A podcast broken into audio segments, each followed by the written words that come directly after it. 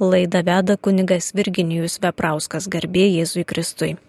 Ir panelė švenčiausiai taip pat malonus Marijos radio klausytojai girdimo laida aktualieji bažnytinės teisės klausimai. Mes praeitoje laidoje nepabaigėm 1243, kuris užsklendžia kapinių temą.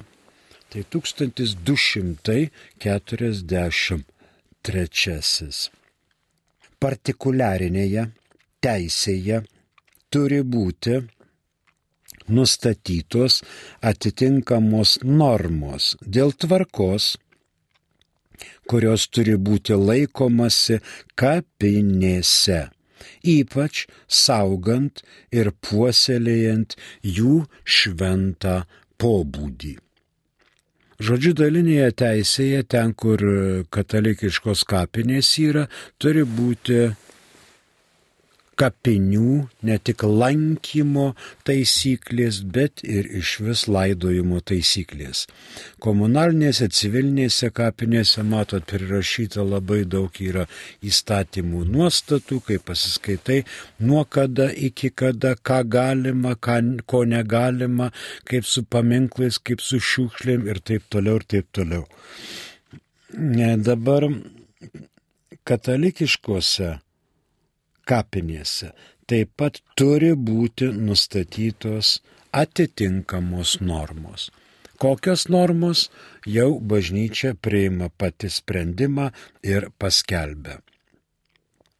Aišku, normose gali būti leidžiama laidoti ir kito tikėjimo asmenis arba netikinčius ypatingai jeigu katalikai turi kapines, o arti nėra civilinių kapinių.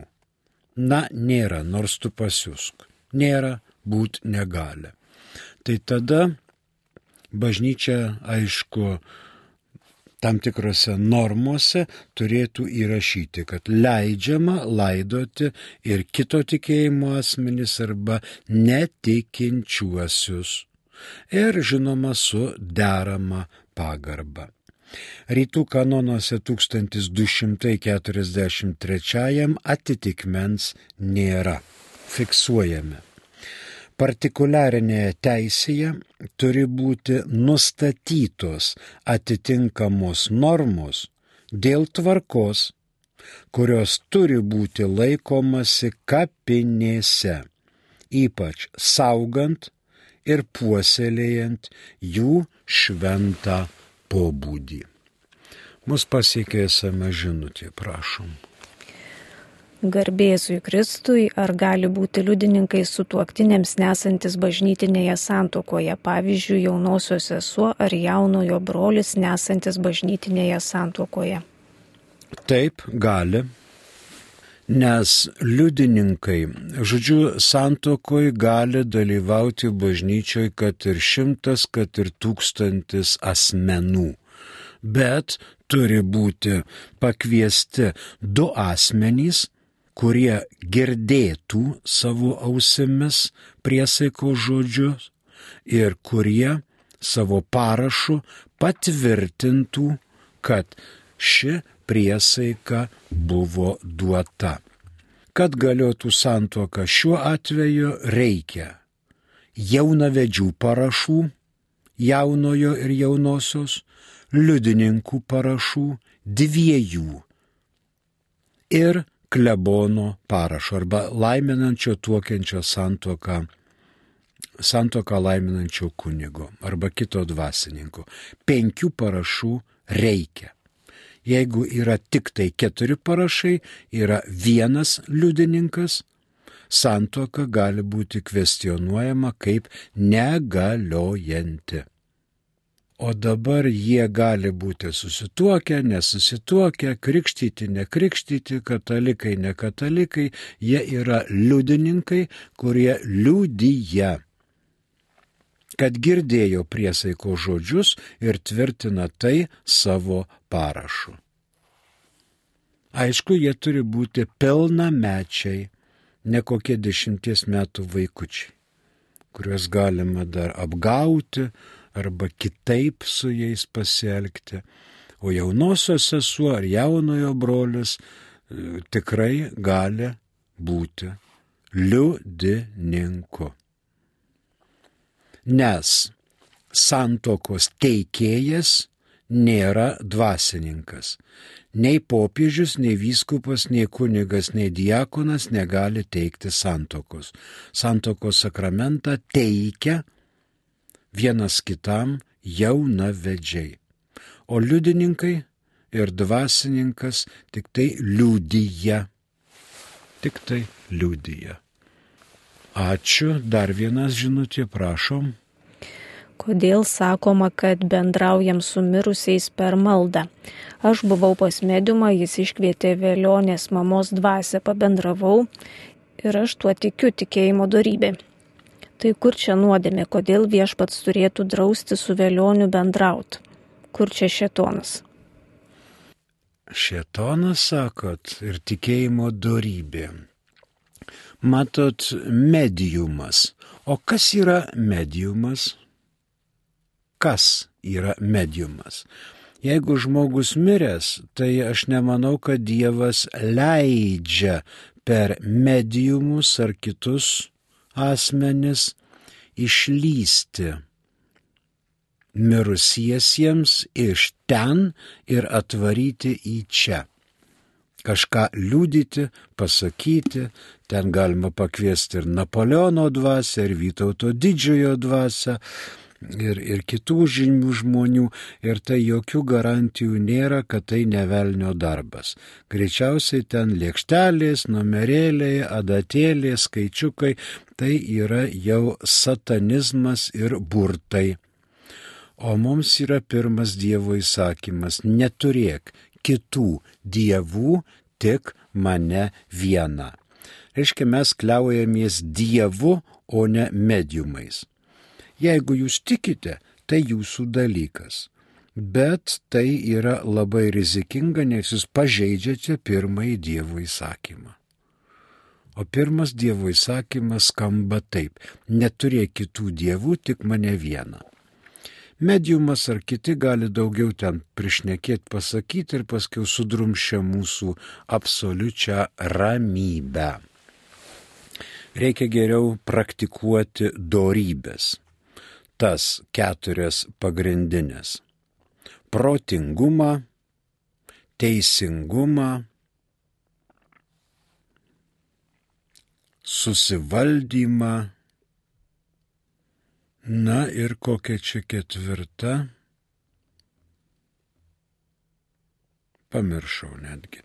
Tai va tas dorybės. Čia pagrindinės dorybės ir trys teologinės tikėjimas, viltis ir meilė bet ne medijumai. Ir čia tikėjimo darybė tai nėra šiuo atveju būtent ta darybė, kurią mes naudojamės tikėdami e, medijumo žodžiais arba jo pagalba. Tiesa, dar va tvirtumas, protingumas, tvirtumas, teisingumas, na ir žinoma susivaldymas. Tai va šitų darybų praktikavimas mums leidžia būti tvirtais. Ačiū už klausimą, dar turime žinutę, prašom. Jeigu įvyko abortas, be nuodėmės gyvybė rojui turi būti, negi viešpats siūs nekaltas skaistyklon, tai kodėl blogai pelnyti negimusi gyvybei amžinai gyvenimą, nes gimusi gal išaus Hitleriu ar Stalinu, nelygų kokia Dievo valia. Kai rašo žodį Dievo, tai reikėtų gal iš didžios raidės parašyti, nes mes mm, sutarėme, kad vis tiek Dievas yra Dievas, jis yra kūrėjas. Ir dabar čia daug yra sofistikos jeigu įvyko abortas, jis savaime įvykti negali. Jis yra įvykdomas. Įvykti gali persileidimas. Tai čia visai kiti dalykai. O jeigu įvyko abortas be nuodėmės gyvybė rojuje turi būti. O kodėl turi būti? Kodėl privalo būti? Čia rojuje. Matot, mes pripažįstame keletą tokių minčių. Tai yra keliaujanti bažnyčia žemėje, triumfuojanti danguje ir kenčianti skaistykloje. Tai va, dangus yra triumfas. E, jeigu be savo kalties vaikas numirė, pavyzdžiui, abortas ar panašiai, tai jis turėtų turėti galimybę būti laimingas, bet jis ko gero nematys Dievo veidas veidan kas yra jau, kaip anksčiau girdėjote, tikėjimo darybė, tai aukštesnis laipsnis. O viešpats, kodėl turėtų negimusius arba ar aborto būdu palikusių šį pasaulį perkelti į rojų. O kaži kodėl? Dėl to, kad tėvai taip norėjo Amžinas gyvenimas pelnomas bus, kaip čia klausiama, nežiūrint, ar bus rojus, ar bus pragaras. Bus amžinybė, nes Dievas nenaikina to, ką sukūrė. Būtų absurdas manyti, jeigu sulik mirtimi baigėsi viskas ir mes išsinuliname, grįžtame už to brūkšnio, iki kurio buvome. Ne, mūsų gyvenimas tęsis, nes Dievas mus sukūrė ir Dievas mūsų nenaikina. O jeigu užauga Hitleriai ar Stalinai, tai jaučia žmogaus laisva valia. Žmogus apdovanotas laisva valia ir naudojasi šitą laisvą valią. Tai yra kažkas nuostabaus. Dievas neįtakoja žmogaus laisvos valios. Gali aišku daryti įkvėpimus dėl bažnyčios maldų, dėl šventųjų užtarimo, bet negali kitaip Dievas kaip tik tai gerbti žmogaus laisvą valią. Gerbė.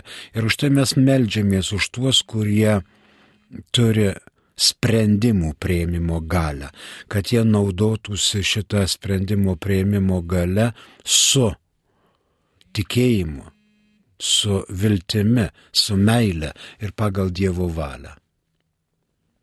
Tik tai ir vienareikšmiškai. Ačiū. Primenu, kad girdima laida aktualieji bažnytinės teisės klausimai. O mes einame prie kito skyrelio, kuris yra skirtas šventajam laikui. Du kanonai. Kas yra e, laikas? Šventasis laikas tai visi kalendoriniai metai pašvesti dieviškajam kultui. Bet kad būtų lengviau pasišvesti tiek vidumi, tiek išorę ir kad būtų vaisingiau teikiama Dievui garbė, šitie kalendoriniai metai yra suskirstomi į šventojo laiko laikotarpius. Yra du tokie dalykai. Pirmas yra šventinės dienos, kai švenčiama atpirkimo paslaptimis, paslaptis ir yra atgailos dienos, kai reikia, tarkim, susilaikyti nuo mėsiškų valgių, vartojimo arba daryti meilės ir pamaldumo bei gailestingumo darbus. Ta tokia bendra įžanga į laiką. Mes dar turim žinutę, prašom. Dar vieną. Kodėl žemėje pasirodo tik Marija, o kitų šventųjų nefiksuojama? Kodėl viešpats neleidžia kitiems pasirodyti? Mhm, Marija tai nebendrinis, tai tikrinis daiktavardis, rašykit irgi iš didžios raidės. E, o kodėl jūs galvojate, kad tik Marija pasirodo? Ne, ne, ne. Ne vien tik Marija pasirodo. Kai nueisim į dangų, paklausim, kodėl viešpats neleidžia kitiems pasirodyti, jeigu jūs nežinote kitų atvejų. Šventas Kazimieras gyra pasirodęs LDK laikais. Ir daug yra visokių kitokių atvejų. Ne tik Marija. Ne tik Marija. Toliau, prie 1244 kanonas. Du paragrafai. Pirmasis. Bendras visuotinės bažnyčios švenčių ir atgailų dienas nustatyti, perkelti, panaikinti priklauso vien tik aukščiausiai bažnytiniai valdžiai, nepažeidžiant 1246 antrojo paragrafo nuostatos. Antrasis paragrafas - dieceziniai vyskupai savas švenčių ar atgailos dienas savo vyskupijoms arba vietoms gali paskelbti tik atskiru atveju. Tai dabar žvilgti į kelis kanonus. 333 mums iliustruoja 1244. Romos popiežius dėl savo pareigų ne tik turi galę visuotinėje bažnyčioje, tačiau ir visose dalinėse bažnyčiose bei jų junginiuose. Įgyja ordinarinės galios pirmenybę, kuria kartu sustiprinama ir užtikrinama sava ordinarinė ir tiesioginė gale vyskupų turima jų rūpešiui patikėtose dalinėse bažnyčiose. Tai vad popiežius gali bet kada įsikišti į bet kurios vyskupijos reikalus ir pasakyti, ekscelencija, tu čia viršinai savo įgaliojimus, aš nubraukiu tavo įstatymus šiuo ir nuo klausimų ir tu esi galbūt ir nušalinamas, galbūt ir, reiškia, čia jau netaip elgiesi, kaip reikalauja bažnyčia. Romos popiežius dėl savo pareigų turi galę ne tik visuotinėje bažnyčioje, tačiau ir visose dalinėse bažnyčiose bei jų junginiuose. Kitas 336 kanonas. Vyskupų kolegija, kurios galva yra popiežius, o nariai yra vyskupai, sakramentinė konsekracija bei hierarchinė bendrystė su kolegijos galva ir nariais, ir kurioje nuolat išlieka paštalų bendryje tik kartu su savo galva ir niekada be jos yra aukščiausios ir nutinės galios subjektas visuotinėje bažnyčioje. Tai va, viskupų kolegija drauge su popiežiumi. Popiežius gali daryti bet kurią intervenciją į bet kurią katalikų vyskupiją. Jisai gali, aišku, įvesti naujas švenčių dienas. Pagal 1246. Jisai gali įvesti naujas atgailos dienas. Pagal 1250 kanoną. Dabar jis gali panaikinti švenčių dienas arba perkelti švenčių dienas. Vyskupas savo vyskupijoje gali administraciniu aktu, bet ne dekretu perkelti arba panaikinti. Gavęs apaštalų sosto specialų įgaliojimą. Ta gali ir viskupų konferencija savame krašte. Na, tarkim, jeigu vyksta koks išniekinimas, kokios šventovės įskupas gali uždėti atgailos laikotarpį.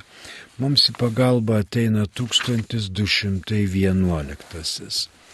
Šventosios, viet, šventosios vietos yra išniekinamos, jei juose atliekami tikinčiuosius piktinantys, labai įžeidžiantys veiksmai, kurie vietos ordinaro nuomonė yra tokie svarbus ir priešingi vietos šventumui, kad nebeleistina juose atlikti kulto, kol neteisybė nebus atitaisyta. Atgailos apieigomis pagal liturginių knygų normą. Gali vyskupas ir administraciniu aktu išleisti atgailos dienas arba nuorodas. O biskupų konferencija privalo gauti specialų popiežiaus paštulų sosto įgaliojimą. Rytų kanonuose 1244 atitikmuo yra 980. 44 fiksuojame. Bendras visuotinės bažnyčios švenčių ir atgailos dienas nustatyti, perkelti, panaikinti priklauso vien tik aukščiausiai bažnytiniai valdžiai, nepažeidžiant 1246 kanono antrojo paragrafo nuostatos galim perskaityti. Viskupų konferencija gali, esant iš ankstiniam apaštalų sosto pritarimui, panaikinti ar perkelti į sekmadienį kai kurias įsakytų švenčių dienas. Na ir antrasis, dieceziniai vyskupai savas švenčių ar atgailos dienas savo vyskupijoms arba vietoms gali paskelbti tik atskiru atveju. Mus dar pasiekė žinutė, SMS prašom. Kelios žinutės. Sekmadienį Kristus karalius, kada baigėsi liturginiai metai, ar po Kristaus karalių šventės? Liturginiai metai baigėsi Advento pirmąjį sekmadienį. Kristus karalius yra paskutinė eilinio laiko šventė. Po to bus jau pirmasis Advento sekmadienis. Pirmuoju Advento sekmadieniu prasideda naujas liturginis laikas. Lauksim Kristaus gimimo šventės Kalėdų. Tam bus pasiruošimas tos keturios savaitės Adventas. Taigi po Kristaus karaliaus sekmadienį sekantis jau bus pirmasis Advento sekmadienis. Prašom kitą. Jei katalikų bažnyčia pripažįsta armėnų, Grigaliaus bažnyčia, koptų, sirų, jakobitų, etijopų bažnyčias kaip savo lygės, o jos monofizitinės, o sakome tik visuotinė bažnyčia, kuri iš jų visuotinė visuotinė yra šventoji Romos katalikų bažnyčia. Romos katalikų bažnyčia yra visuotinė, katolikos. Tai reiškia visuotinė. O jūsų žinomos armėnų, tai yra katolikosai. Grigaliaus bažnyčia, koptai, sirai, jakobitai, rutenai, etijopai - tai yra reitų apieigų bažnyčios.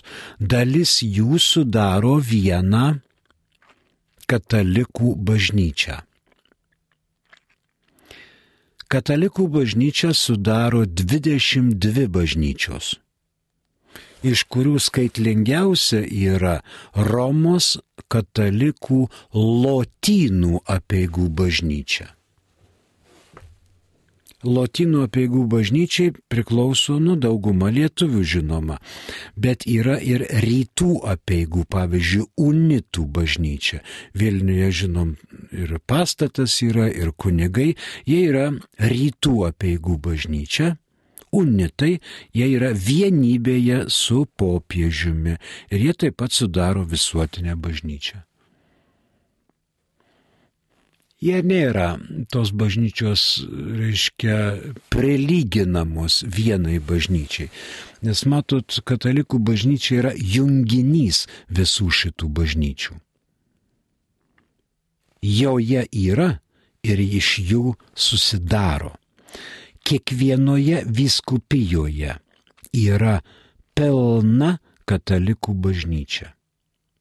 Tai nėra dalis kaip automobilio variklis, karburatorius, ratlankis, benzobakas, stabdžių sistema, apšvietimas, vat, kai mozaiką taip ir lipdom. Ne. Kiekviena atskira bažnyčia su, yra atskira bažnyčia. Joje yra šventa dvasia. Jos vadovas yra vyskupas, kadangi jis yra įstatymų leidėjas. Vyskupijos įstatymų leidėjas yra vyskupas. Ir kiekvienoje vyskupijoje yra viena šventa apaštališka ir katalikiška bažnyčia. O ją visą sudaro visos vyskupijos. Čia va tokiu principu žvelgiame. Ačiū.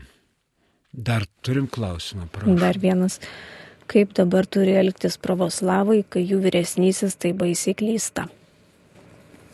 O kaip kažin klysta?